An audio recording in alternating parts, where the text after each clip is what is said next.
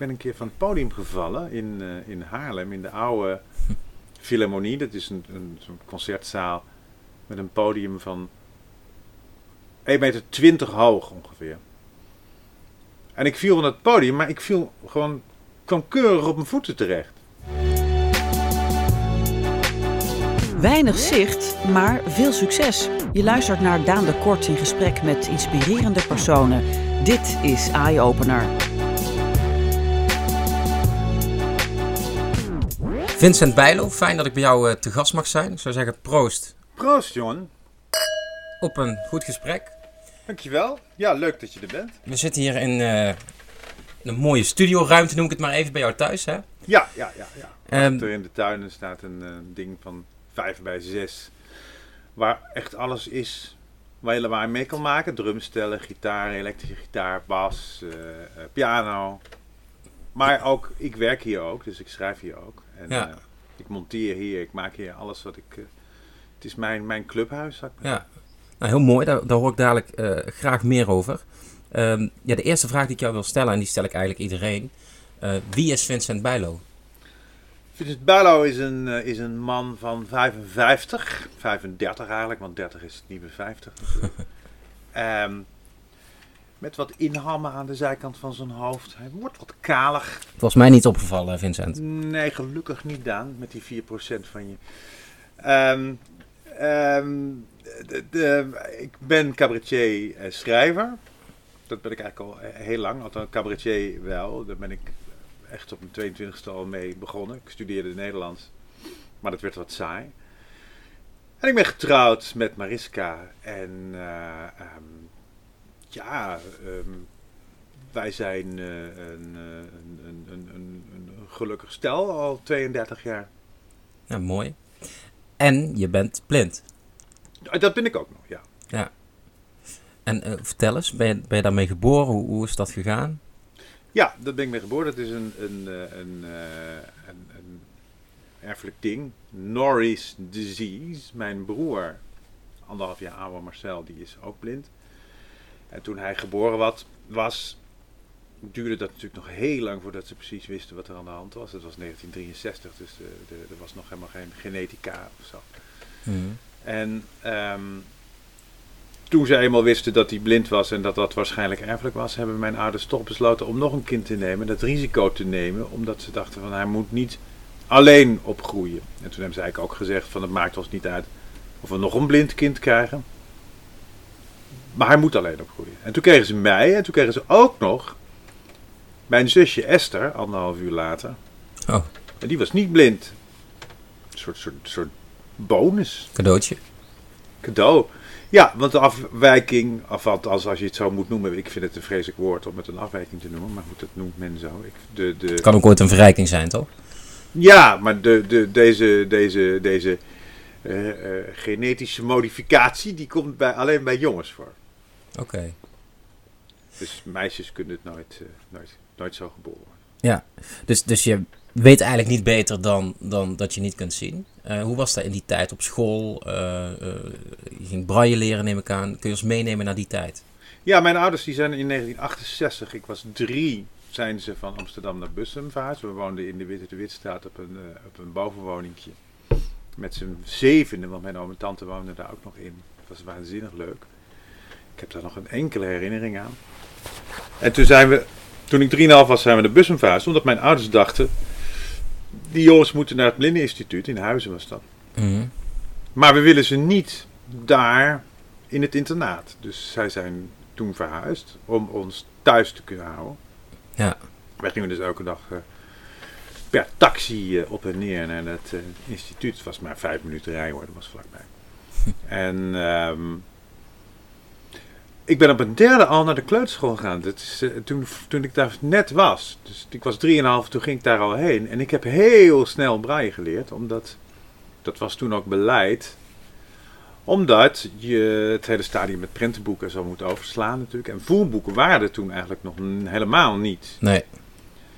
Dus dat braille, nou, ik vond, vond het geweldig. Echt jongen, vanaf het moment dat ik het kon. Ik, ik roste met die braille-machine. eh, eh, blad voor blad vol met puntjes. En ik, ik begon meteen verhalen te schrijven. Ik had een, een, een, een behoorlijke fantasie. Toen al.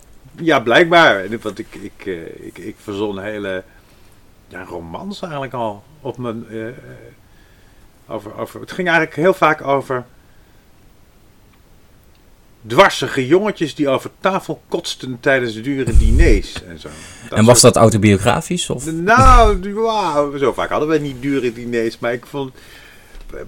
Dwarsigheid sprak me eigenlijk altijd al aan. Ja. Het ook niet, dat, dat werd dan ook weer versterkt later door programma's zoals de Stratenmaker op Zeeshow van, van, van Aart Staartjes en en Joost Mhm. Prinsen. En zo, en, maar ik, ik weet niet, ik, ik had, dat had- komt ook door mijn vader. Mijn vader was ook een behoorlijk dwarsige man. Dat was een man die was, ehm, die kwam uit een gereformeerd nest. Hij is voor mijn moeder katholiek geworden. Maar eigenlijk was mijn vader de, de grootste atheïst die er bestond. En van hem heb ik ook het, echt het vloeken geleerd. Die man die kon echt zo van, Ik kon mooi vloeken. tenen kon die vloeken. Waanzinnig. Maar eh, dus al, die, die creativiteit, die, die had je als kind al. Ja, ja, ik was altijd al bezig met verhalen en met piano spelen. Want op mijn slaapkamer stond een piano, die stond eerst beneden. Met het vonden ze toch niet zo leuk, omdat wij daar constant... eh, toen is die naar boven gehesen met een, met een katrol. En door mijn raam mijn slaapkamer ingetakeld. Dus die had ik altijd tot mijn beschikking. Ja. En heb je dat van je vader of van je moeder? Of... Nou, mijn vader is op zich een hele creatief, was op zich een hele creatieve man. Hij is al 16 jaar dood. Maar hij was een enorme beta ook. Hij was, eh, hij was Mhm. actuaris, verzekeringswiskundige. En hij was waanzinnig goed met rekenen, jongen. Die, die kon hoofdrekenen. Wauw, echt. Ja, hoewel hij wel een van de eerste was die de rekenmachine ging gebruiken. Hij had een hele grote rekenmachine in de jaren 70. al. Om gewoon heel snel ongelooflijk ingewikkelde berekeningen te kunnen maken. Maar hij kon ook heel goed schrijven, maar dat heeft hij eigenlijk nooit enorm ehm, vervolmaakt of heeft hij nooit veel mee gedaan. Maar als hij bijvoorbeeld dingen voor, nou ja, als mijn moeder 60 werd of zo, of dat, soort, dat soort dingen, verhalen, hij kon waanzinnig goed schrijven. Een soort van Godfried Bomans-achtige Mhm. lieve humor had hij. En, eh, maar hij kon ook, ja, er werd veel gelachen thuis. En hij draaide heel veel cabaret. De, de Nederlandse Hoop, Freek en Bram, dat heb ik vanaf Mhm. mijn zesde zo'n beetje gehoord. En eh, dat, dat, mijn hele jeugd hoorde ik dat s'avonds avonds naar boven. En toen dacht ik al van, jezus, wat is dat geweldig idee met zo'n zaal die dan keihard steeds lacht. Ja.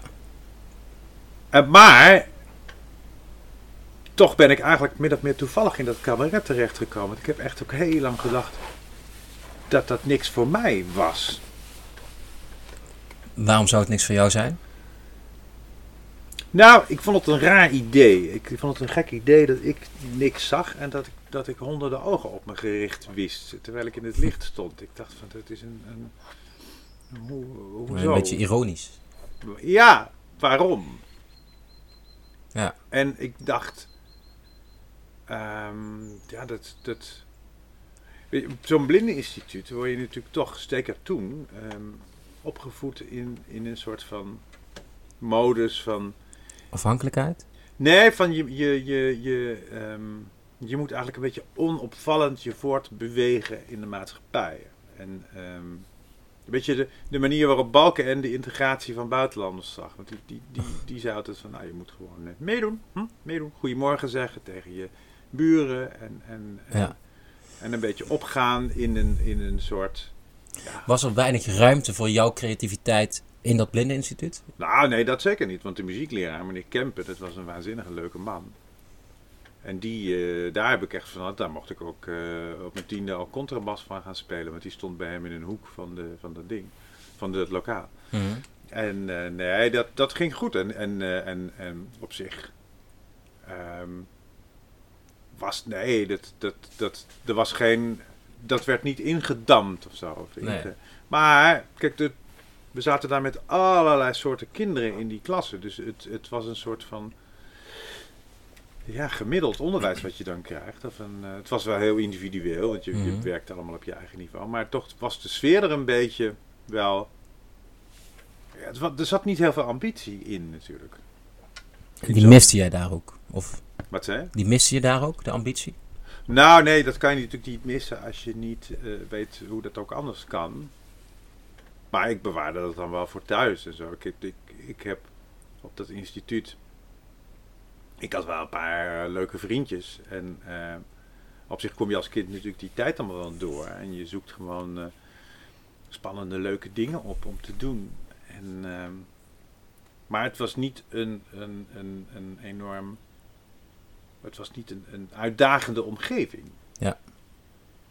Dus daar komt het misschien ook vandaan dat ik toen later dacht van ja, dat cabaret, wat moet ik dat nou wel doen? Want wat ik dacht ook, ehm, kijk die blindheid moest ik nu op dat podium, zeker in eerste instantie, gaan uitvergroten. Ik moest daar dingen mee gaan doen. En ik moest die, die grappen gaan maken die wij twintig jaar lang thuis hadden bedacht.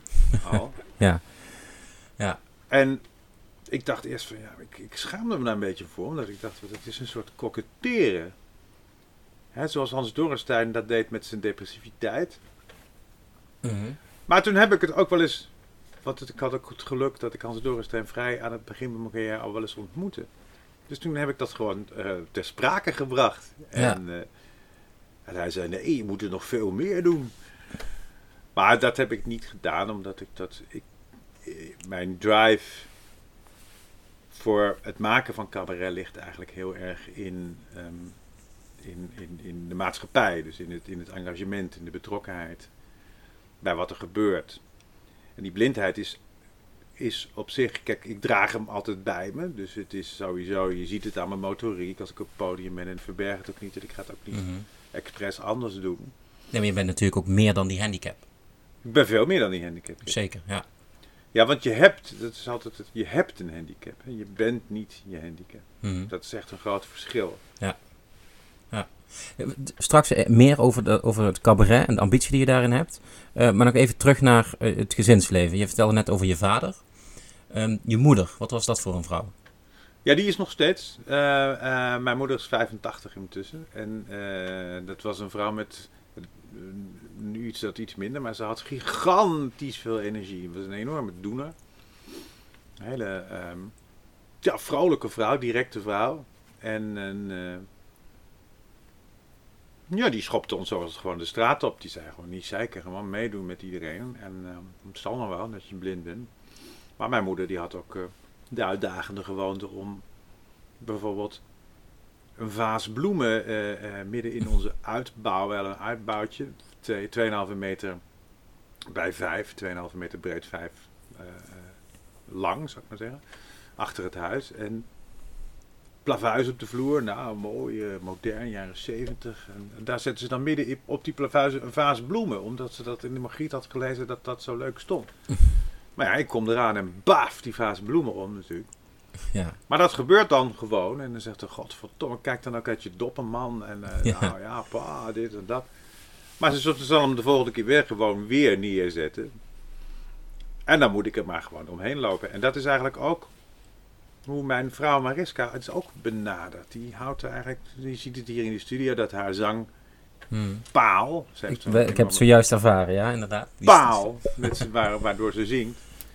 Die staat gewoon midden in die, in die studio. En Ja. ik moet daar gewoon aan denken. Ik liep er net ook weer tegenop. Ja. Maar dat kan dus gebeuren. En ik vind dat heel prettig eigenlijk. Dat je dus niet een, een totaal aan kant gemaakt en, en netjes huis hebt. Mhm. eh, maar dat het gewoon, Leeft. Dat je je voortbeweegt in, in hoe, het, hoe het is. Want ik ben zelf eigenlijk ook niet zo ordelijk, gelukkig. Maar jouw moeder eh, eh, stimuleerde dus om, om vooral alles te doen en het, het, het, gewoon het echte leven, het leven te leiden. Ja, ja, ja, ja, ja. ja. En, en ehm, zij waren ook allebei, eigenlijk mijn vader en mijn moeder. Ehm, ja, gewoon, dat, is ook, dat zie je eigenlijk al aan waarom ze dat, ze dat ze een tweede kind wilde en dat ze niet uitmaakte of die blind was of niet. Dus dan heb je Ja. bijvoorbeeld al een soort acceptatie natuurlijk. Ja. En zij, eh, mijn vader was altijd heel erg op onrecht, dus die vond dat, dat wij altijd rechten moesten hebben. Die zat ook altijd te klooien met allerlei vergoedingen van het toenmalige GAK Mhm. gemeentelijk administratiekantoor. Ja. En zodat wij gewoon ook, eh, hij heeft zelfs gewoon de halve tandem, eh, wij moesten natuurlijk op twee tandems fietsen. Dus het was een hele leuke kolonne die dan door dat dorp reed. En eh, hij heeft ook... Meteen ook bekende inwoners van het dorp dan. Ja, ja, ja. We waren wel Familie Bijlo, die kenden ze wel. De Bijlootjes, ja. Station Bussum Zuid, de bijlootjes moeten eruit. Dat heeft ook een conducteur wel eens gezegd in de trein. Ja, mooi. Maar, ehm, dus die, mijn vader die heeft ook de halve tandems vergoed gekregen door het, door het, door het GAK. Of het UWV. Nee, dat was dat natuurlijk het Het GAK. Ja. En, want die zei eh, van, ja, ja, normaal zouden jullie gewoon één fiets kopen. ja. en, en jouw broer, en hoe gaat hij daarmee om? Mijn broer is heel anders dan ik. Mijn broer is een, een, een, een, een heel veel introverter. Veel meer op zichzelf. Hij is muzikoloog. Hij schrijft eh, recensies voor tijdschriften. En eh, Maar goed, je bent al snel introverter dan jij, hè? dat, ja, weet ik niet. Dat is aan de ander. En hij is, ehm, hij schrijft toelichtingen op concertprogramma's van, van het muziekgebouw aan het ei en het concertgebouw. Mhm. En eh, ja, het is een bedachtzame uh, introverte man die ongelooflijk veel muziekinstrumenten ook heeft. En eh, een enorm archief ook van, van cabaret, zowel als klassieke muziek als... eh, dus ja, het leuke is eigenlijk, ik, ik had in dat gezin een soort centrale positie. Want met mijn zus deed ik alles wat buiten was. Dus eh, softballen, voetballen en Mhm. eh, op, op, op, op daken klimmen en weet ik veel. En met mijn broer deed ik de binnendingen. Dus wij maakten hoorspelletjes en De binnendienst. verzamelden geluiden. En ja, mijn broer was ook echt een binnenjongen. Die zat ook de hele dag radio te luisteren en zo. En hoe was dat voor jouw zus om, om ja, toch twee blinde broers te hebben? Nou, dat later heb ik pas echt eh, ondervonden en gehoord toen zij op een gegeven moment een soort, soort burn-out kreeg, dat ze dat toch wel heel moeilijk had gevonden. Omdat, ze- maar dat weet je natuurlijk als kind helemaal niet. Maar zij was natuurlijk, ja, er ging heel veel aandacht naar ons toe.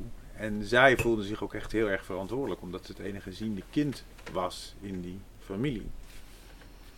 Dus dat was een positie waar ik me nooit van gerealiseerd heb dat die zo was. Omdat ik met mijn zus, kijk, je bent een tweeling, dus je, je groeit eigenlijk synchroon op. Ja. En het was voor ons volkomen vanzelfsprekend om zo te zijn met z'n tweeën. Dus ik heb zelfs in het begin, denk ik van jaar vier of vijf, wel eens gedacht van het is natuurlijk expres zo gedaan dat de ene kan zien en de andere niet. Dat hoort waarschijnlijk, want ik hoor dingen die zij niet hoort. Zij ziet dingen die ik niet zie. zie want we waren zo complementair. Ja.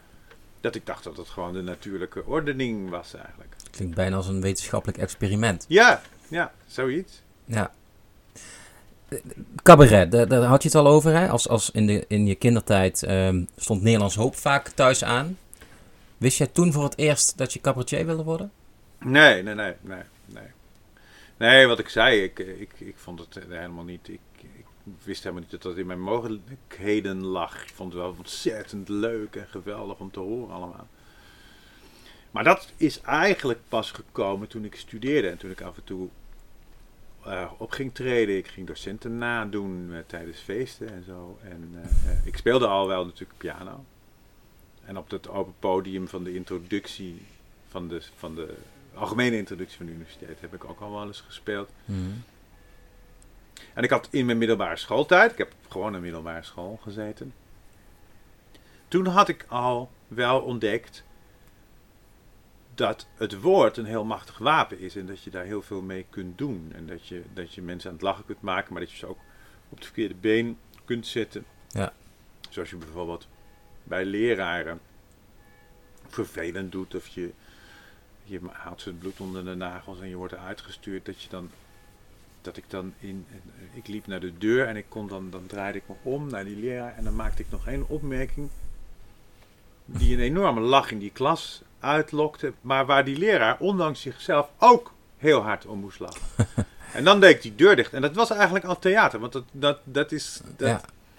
Wa- Was je recalcitrant als, als middelbaar scholier? Nou, een zekere mate daarvan had ik wel, ja. Maar ik was, ik hield enorm van leren. En eh, ik nam het ook regelmatig voor leraren op als, als er gezeik was in die klas. En dat. Eh, dus die leraren wisten zelf ook eigenlijk niet zo goed hoe ze dan met die, met die soms moesten omgaan. Maar ik, nee, ik hield enorm van school. Ik, ik van kennis opdoen vond ik geweldig. En echt heel leuk. En ik, en ik had het ook vaak tegen mijn medeleerlingen. Zei ik van, hou nou toch eens op met een gezeik. Want het is leuk om te leren. Maar dat... Zij durfde daar dan ook... Je wordt natuurlijk vaak weggezet als een, als een ontzettend lulletje. Als je dat... Als je zo... Te vaak blijft zeggen. Ja, als je zo aan die kant van die leraren gaat staan. Maar ik had ook al wel heel vroeg in die middelbare school door. Want ik kwam dus vanaf de eerste MAVO, daar zaten we met z'n drieën in de klas. Kwam ik in de brugklas van het Vitus College in Bussen.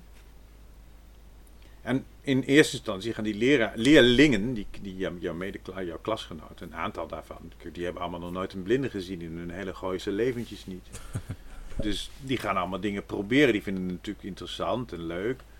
Maar er zijn ook kinderen die gaan proberen te pesten. Dus die, die, die tikken op je schouder en die lopen weg. Of die eh, smeren prit op je braaiboeken. Zodat je blijft hangen aan die, Mhm. aan die zin. Dat vond ik een meesterlijke pesttruc. Ik moest daar zo om lachen. dus je vastgeluimde vinger, dat is Ja. toch grappig? Ja, het, het is Maar wel humor. als je daarom moet lachen, is het al niet meer leuk. Want dan is het geen pesten meer. Was je. jouw wapen ook tegen het pesten? De humor. De humor is een enorm wapen, maar zeker de vanzelfsprekende humor. Of ze legde punaises op mijn stoel. En, eh, kijk, ik benoemde dat intuïtief meteen. Eh, Waardoor het, waardoor het eigenlijk onschadelijk maakt. Ja, En wat ik ook wel vrij vroeg door had. Maar wel dat is- ontwapenend. Hè? ja, ook, maar wat ik ook denk ik. Ehm, ik zette het ook niet in het kader van mijn blindheid. Kijk, als, je, als, je, als zij ehm, een prit aan je, aan je braaiboek smeren. en je gaat denken van, oh ja, dat doen ze omdat ik blind ben. Dat is eigenlijk niet zo, want ze doen dat omdat zij veronderstellen dat dat jouw zwakste plek is. En dat is die blindheid dan wel, maar dat, dat is natuurlijk helemaal niet, het hoeft helemaal niet jouw, jouw zwak- zwakste plek te zijn. Dus als je dat kader, Mhm. net zoals er heel veel, eh, dat slachtofferschap, want dat is het eigenlijk, dat komt natuurlijk op heel veel niveaus voor. Hè, of, of dat nou FVD'ers zijn, PVV'ers. De wet nummer 1 van het populisme is altijd, je moet jezelf in de underdog positie Ja. plaatsen. Er wordt jou iets aangedaan. En dat is met dat pesten komt dat ook veel voor. Omdat je namelijk... ehm, je gaat het in het kader plaatsen van... We hadden bijvoorbeeld een heel klein jongetje in de klas. En die plaatste dat dan altijd... Ja, maar ik ben ook de kleinste en ik heb een raar piepstemmetje. Dus daarom word ik gepest. Calimero-effect. Ja, maar dat maakt het natuurlijk alleen maar erger. Ja. Want ouders doen dat vaak ook verkeerd. Want ouders die zeggen dan ook vaak... Ah, kom maar hier jongen. Pesten ze weer je- met je omdat je zo klein bent. Dus die versterken eigenlijk dat effect nog. Ja. Want altijd bijvoorbeeld... Ik heb eens een keer... Toen zat ik in een talkshow aan tafel met een vrouw... die maakte voor de EO een pest... anti-pestprogramma. En die... Die ging altijd naar die gepeste kinderen en die ging dat slachtofferschap eigenlijk eh, Aanpraten misschien. koesteren. Ja. En, en, eh, en ze proberen, ja, heel, eh, heel aardig en lief. En, eh, maar eigenlijk moet je, je moet iets anders doen. Je moet naar die pesters gaan en zeggen van jongens, het is echt absoluut niet stoer om dit te doen. En je moet de gepeste kinderen ook eh, weerbaar maken. In de zin van dat je ze hun persoonlijkheid moet teruggeven of laten groeien. Nou, een mooi pedagogisch advies van eh, Vincent Bijlo. Ja, Ehm, je, je gaf ook aan dat je eh, in, in de middelbare schooltijd, hè, dus als je de klas uitliep of docenten imiteren op feestjes, toen merkte je steeds meer dat die humor voor jou, eh, dat, dat, dat, jouw wapen was. Ja, dat, dat is natuurlijk iets wat waarschijnlijk mijn hele leven al aanwezig was. Maar ik ontdekte toen ook de kracht van het woord. En voor mij was dat waarschijnlijk ook veel makkelijker dan, dan, dan allerlei non-verbale dingen te doen. Maar was het ook de eerste keer dat je het podium betrad, de middelbare schooltijd? Ja, toen deed ik mee. Nou, ik drumde in de schoolband. En ehm, dan deden we met die musicals ook mee. En, en, en toen ik in de vijfde zat of zo, vijf jaar, toen had ik ook eens een rolletje. Dan moest ik tussen dat drummen door even, eh, even een, een rolletje spelen. Van een, van een hele ballerige student. Maar toen merkte ik ook inderdaad dat dat, dat was ontzettend leuk. En ik voelde me on- onmiddellijk thuis in die, in die rol. Was dat jouw, eh, jouw eye-opener? Dat je ontdekte van, hé, hey, dit, dit kan ik. Ja, eigenlijk wel. Nou, ik had er wel vaak al van gedroomd. Want ik woon, wij woonden vlakbij het Spand in Bussum. En, en in mijn dromen zat er een deur in mijn kast. Ik had zo'n soort inbouwkast. En er zat een deur in die kast. En als ik daar uitliep, dan kwam ik op het podium van het Spand. Op het Spand, daar werd de, de vuist van Willem Duis opgenomen en zo. En al dat soort programma's. En dat was vlakbij ons. Dus er zat een magische aantrekkingskracht op mij. En in het Spand heb ik bijvoorbeeld ook ehm, voor het eerst Joep van het Hek gezien. Die speelde toen, geloof ik, ehm, Verlopen en Verlaten of Man Vermist. Mhm. Begon hij met een slaapzak op het podium, in een slaapzak op het podium. En toen dacht ik, jezus, ja, maar dat is, dat is leuk. Dat, is, dat kan ik natuurlijk ook gewoon doen. Jaren 80 denk ik dan, hè? of eind 70. Nee, nee, dan spreken we over 83 of zo. En ehm, wanneer kreeg je in de gaten van, ik kan hier echt mijn vak van gaan maken? Nou, dat was natuurlijk hoogst onzeker. Want ik studeerde Nederlands en ik was daar in 85 mee begonnen. En eind 87 hield de gehandicapte raad een festivaltje. Die bestond er tien jaar. En het festival dat heette Valt er nog wat te lachen? En dat vond ik een belachelijke titel. Dat, was natuurlijk volkomen vanzelfsprekend. Maar het een soort, ik dacht van, ah, laat ik daar maar gewoon aan meedoen. Want Jack Spijkerman zat in de jury en, en eh, Hans van Willigenburg. Mhm. Dus ik dacht, nou ja, weet je, als ik hier op mijn bek ga of, eh, het wordt niks, dan hoort nooit iemand daar meer wat van. Ik, ik heb gewoon op de brani, op de bluff heb ik dat gedaan. En ehm, Hoe oud was je toen? toen was ik 22. En op zich maakte ik, ik had eigenlijk heel snel een voorstellingje gemaakt. Omdat ik daar inderdaad heel veel van die grappen die we in onze jeugd al hadden gemaakt. En die blinde dingen, die kon ik daarin kwijt. En die, en die eh, bovendien, als je eh, snel iets moet doen, dat heb ik nog steeds. Als je snel iets moet doen, dan komt er een, een, een ongedachte creativiteit in je op. Dat heb ik nu met het maken van die oudejaarshow ook weer. Dat je, dat je, je kan het van tevoren niet verzinnen waar je uitkomt soms. En de, de, de dingen rijgen zich aan één. En als je maar... Inspiratie in die zin bestaat ook niet in die romantische oude zin. Van dat je, dat je, dat je, dat je golven hebt s'nachts. En dan moet je onmiddellijk opstaan en dan moet je alles opschrijven. Ja, dat heb je wel eens. Als ik niet kan slapen heb ik dat ook wel. Eh, maar dat zijn meestal niet de beste ideeën ook. Inspiratie bestaat eigenlijk heel erg uit het gewoon op je reet gaan zitten en, en niks doen. Je telefoon uitzetten en eh, wachten tot het komt. Laat maar komen, ja. Ja, en rust. Heel veel rust. Want zo heb ik ook alle. Ik heb, ik heb tien jaar lang drie keer per dag een nieuwscolumn in. Of drie keer per week een, een nieuwscolumn in het AD geschreven.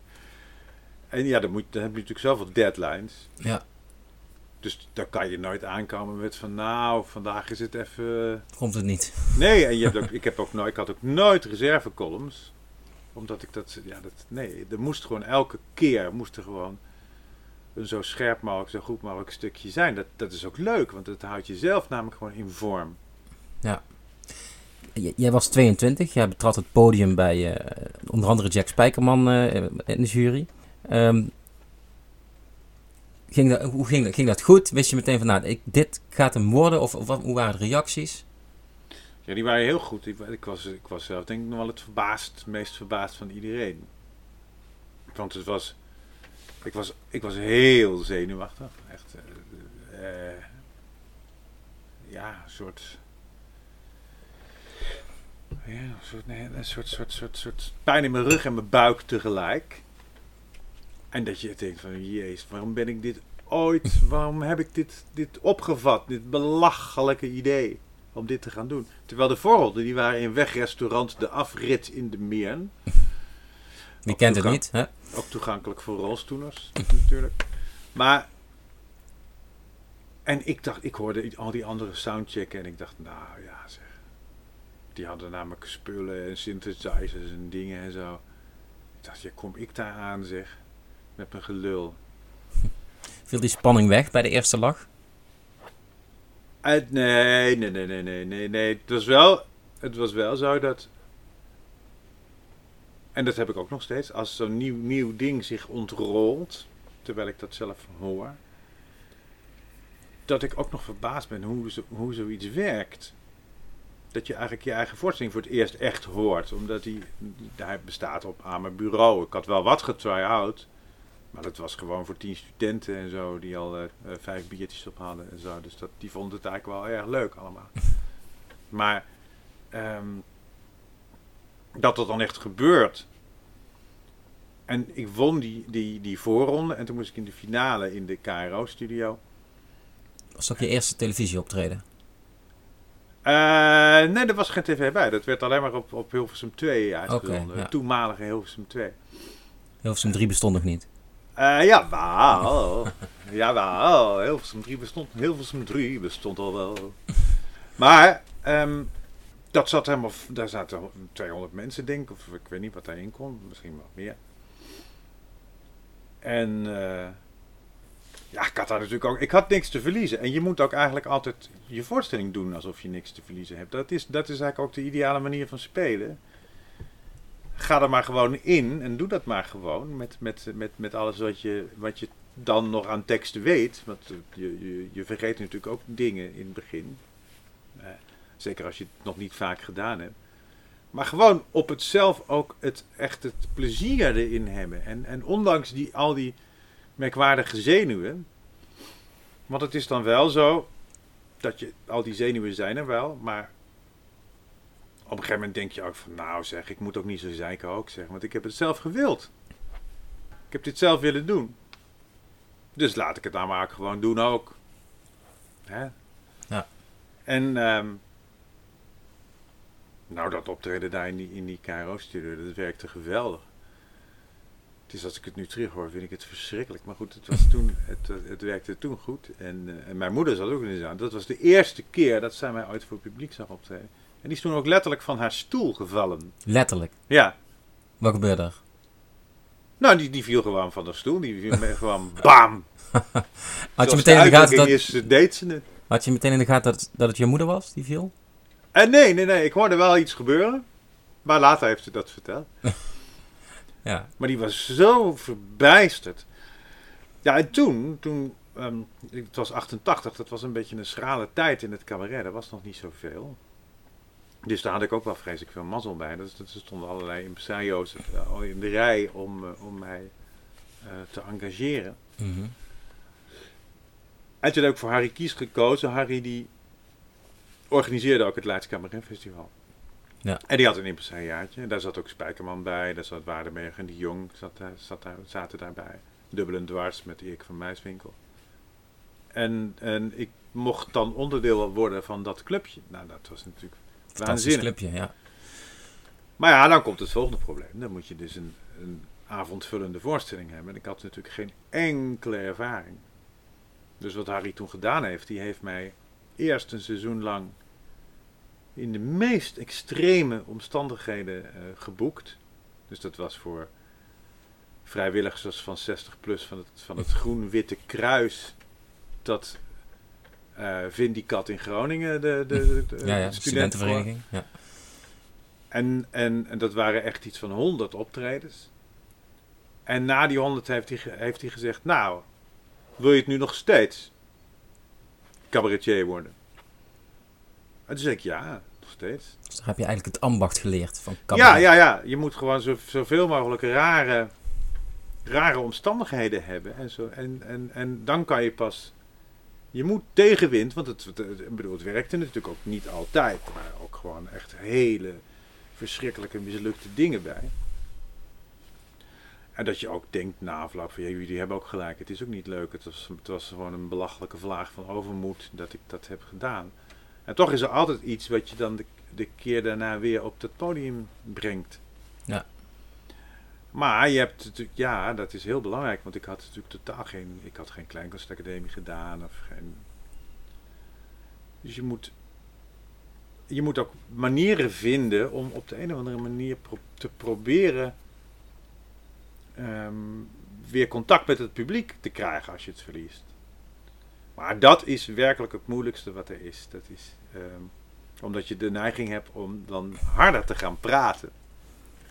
Weet je, dat is een belachelijk mechanisme. Dat, uh, vriend van mij die, eh, die had een huis in Frankrijk en die was een keer bij de notaris. En de notaris vroeg, wat is uw beroep? En toen zei hij, je suis adviseur. En toen zei die notaris, quoi? Adviseur! Adviseur! Want hij dacht van, ja, jij bent Fransman. Behalve dat adviseur helemaal geen Frans woord is. Adviseur is conseiller. Dus hij dacht van, ja zeg, lul, je, je verstaat je eigen taal niet eens. Ja. Dus dan ga je harder praten. Maar zo is het met het publiek dus ook. Dus als je, als je contact met je publiek verliest, dan heb je de neiging om harder te gaan praten. Is het moeilijker om het eh, contact terug te vinden als je het publiek, publiek ook niet kunt zien? Dat denk ik niet, omdat eh, eh, ehm, je kijkt sowieso vanaf een podium in een donker gat, want het zaallicht is uit. En Ja. Jij staat in het licht, dus je ziet twee of drie rijen. Het kan zelfs heel erg in een nadeel werken, want als je op de voorste rij ongeïnteresseerde mensen ziet zitten. Een collega van mij, Job Schuring, die speelt nu al lang niet meer, maar toen Job nog speelde, toen had hij eens een keer dat na vijf minuten op de eerste rij al iemand in slaap viel. Maar echt gewoon zo, met zijn hoofd naar voren. En echt met zijn hoofd op zijn knie. Ja, En die is ook de hele voorstelling verder blijven slapen. Wat Job ook deed. ja. Nou ja, daar heeft hij zo'n verschrikkelijke last van gehad. Kijk, ik zou het ook wel anders aanpakken. Als ik dat zou zien, dan zou ik die man gewoon echt gaan aanraken. En dan zou ik hem wakker maken. Want je moet zoiets uitschakelen. Je moet wel, als je, als je speelt... Als er echt hinderlijke dingen zijn die jou, die jou storen... Dan moet, dan moet je ze op de een of andere manier benoemen. Dat is altijd het leuke van een live voorstelling natuurlijk. Je, de- je, je maakt hem met z'n allen. Dus als er interactie. Iets- is, een brom of een, eh, er is iets mis met je, met je zender, eh, je microfoon. Of, eh, alles moet benoemd kunnen worden. Moet je wel ad rem kunnen reageren. Ja, maar dat zit dan heel erg in je. In je ik ben zelfs wel eens, ik ben een keer van het podium gevallen in, in Haarlem, in de oude Philharmonie. Dat is een, een zo'n concertzaal met een podium van 1,20 meter hoog ongeveer. En ik viel van het podium, maar ik viel gewoon, kwam keurig op mijn voeten terecht. Ook een kunst. Het was, het was geweldig. En ehm, ik kon er gewoon weer op. Gewoon eh, met mijn kont weer erop en dan eh, weer opstaan. Dus ik ben gewoon blijven doorhouden horen. En ik heb ondertussen een verhaal verzonnen. Over eh, dat we vroeger gingen skiën en dat mijn vader dan riep eh, van beneden: Kom maar. En dat, dat allemaal in dat teken van het, van het podium flikken. Ja, En Mariska, mijn vrouw, die zat in de zaal en die kreeg werkelijk een hartverzakking. ja. Maar de rest van de zaal heeft gewoon gedacht dat het Dat hoort erbij. Maar die dacht natuurlijk ook van, jezus, hoe kan die dat zo? Wat? En na afloop in de, in de kleedkamer begon ik pas verschrikkelijk te bibberen. Dat ik dacht van, man, man, ik had wel dood kunnen zijn of mijn nek kunnen breken of zo. Ja. Er zijn mensen die van, van, van een stapje van, van 10 centimeter de meest erge ongelukken Dat jouw Tommy Cooper moment kunnen zijn. Ja, ja, ja, precies. Maar dat was een beetje jong, want ik was toen pas 30 of zo. Oké. En je, je hebt in de loop der jaren van alles gedaan. Columns geschreven, tv-optredens, radio, voorstellingen. Waar ben je nu het meest trots op? Qua werk. Nou, dat weet ik niet. Omdat het zijn eigenlijk allemaal communicerende water. Want het zijn eigenlijk allemaal dingen die voortkomen uit dezelfde bron. En je kiest zelf steeds verschillende kanalen. Ik, ehm Nee, ja, ik denk wel... Kijk, het- theater is wel de meest totale vorm. Want dat is, dat is en geschreven hebben en eh, kijken of dat uitkomt. En, en, en piano spelen en lawaai maken. Ja. En de mensen komen ook echt voor jou. Ja, precies. Dus dat is denk ik wel het, eh, het, het, eh, het, het- de meest de, de, de totaalste ervaring. Ja. Als je dat zo kan. Dat is het denk ik wel. Het is een. eh, is sowieso. Is het denk ik een soort drijfveer van mij om. Ik vind, het leven kan heel saai zijn als je niks doet. Als je niks onderneemt. En Zeker als blinde, denk ik. Ik bedoel, je ziet, je er zijn geen beelden die je triggeren. triggeren. Mhm. Eh, ja, je moet, je moet overal op afgaan. Dat, dat is ook zo natuurlijk. Je, je, je hebt veel meer... Als je het goed wilt doen, heb je heel veel ini- initiatief nodig. Omdat je... eh, nou ja, in ruimtes al. Hè, als, als je ergens bent en er zitten overal allerlei mensen die helemaal niks met jou doen, of jou niet aanspreken. Ja, dan heb je de keuze of het uitzitten of je moet iets, iets proberen te laten ontstaan. En in, in de ziende wereld zal dat vast vaak in eerste instantie met non-verbale communicatie gaan. Of met het idee van, hé, hey, dat is een leuke vrouw, daar ga ik eens op aflopen. Dat, dat kan, nou, dat, is, dat is dan bij mij niet zo. En uh, dat moet je dan toch anders doen. Is het daardoor ook meer puur? Weet ik niet. Ja, nou nee, dat, dat kan ik niet zeggen. Dat weet ik niet. Maar in ieder geval heb je het nodig. En ik denk dat mijn, een van mijn drijfveren om dat cabaret te gaan maken is, denk ik, die saaiheid doorbreken. Dus lawaai maken. Ik dat vond ik als kind al ontzettend leuk. Dingen ontregelen, lawaai maken. Als mijn ouders aan het praten waren, kaarten gaan schreeuwen of zo. Ja. Dit is het Wim Schippers effect. Hè? Ja. Jouw blindheid komt ook vaak terug in, in jouw humor. Um, zelfspot. Ja. Um, is, dus natuurlijk een bewuste keuze ga ik vanuit. Maar ja, waarom doe je dat?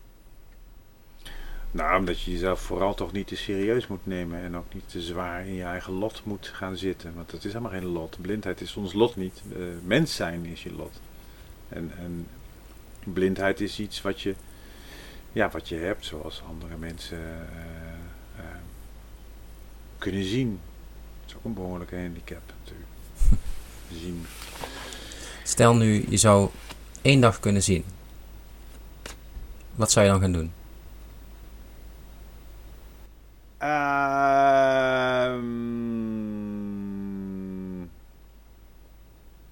ja, niks. Dan zou ik gewoon gaan lopen zoals ik hier altijd loop. En dan eens kijken hoe dat, hoe dat er allemaal uitziet. Ik zou, ik zou ik denk hetzelfde doen als ik altijd doe. Ik zou dan de dag laten bepalen wat ik zou gaan doen. ik zou dan op ideeën komen tijdens die dag. Want dit, dit zou ik eens. De, de, de, het moment genereert altijd de leukste ideeën.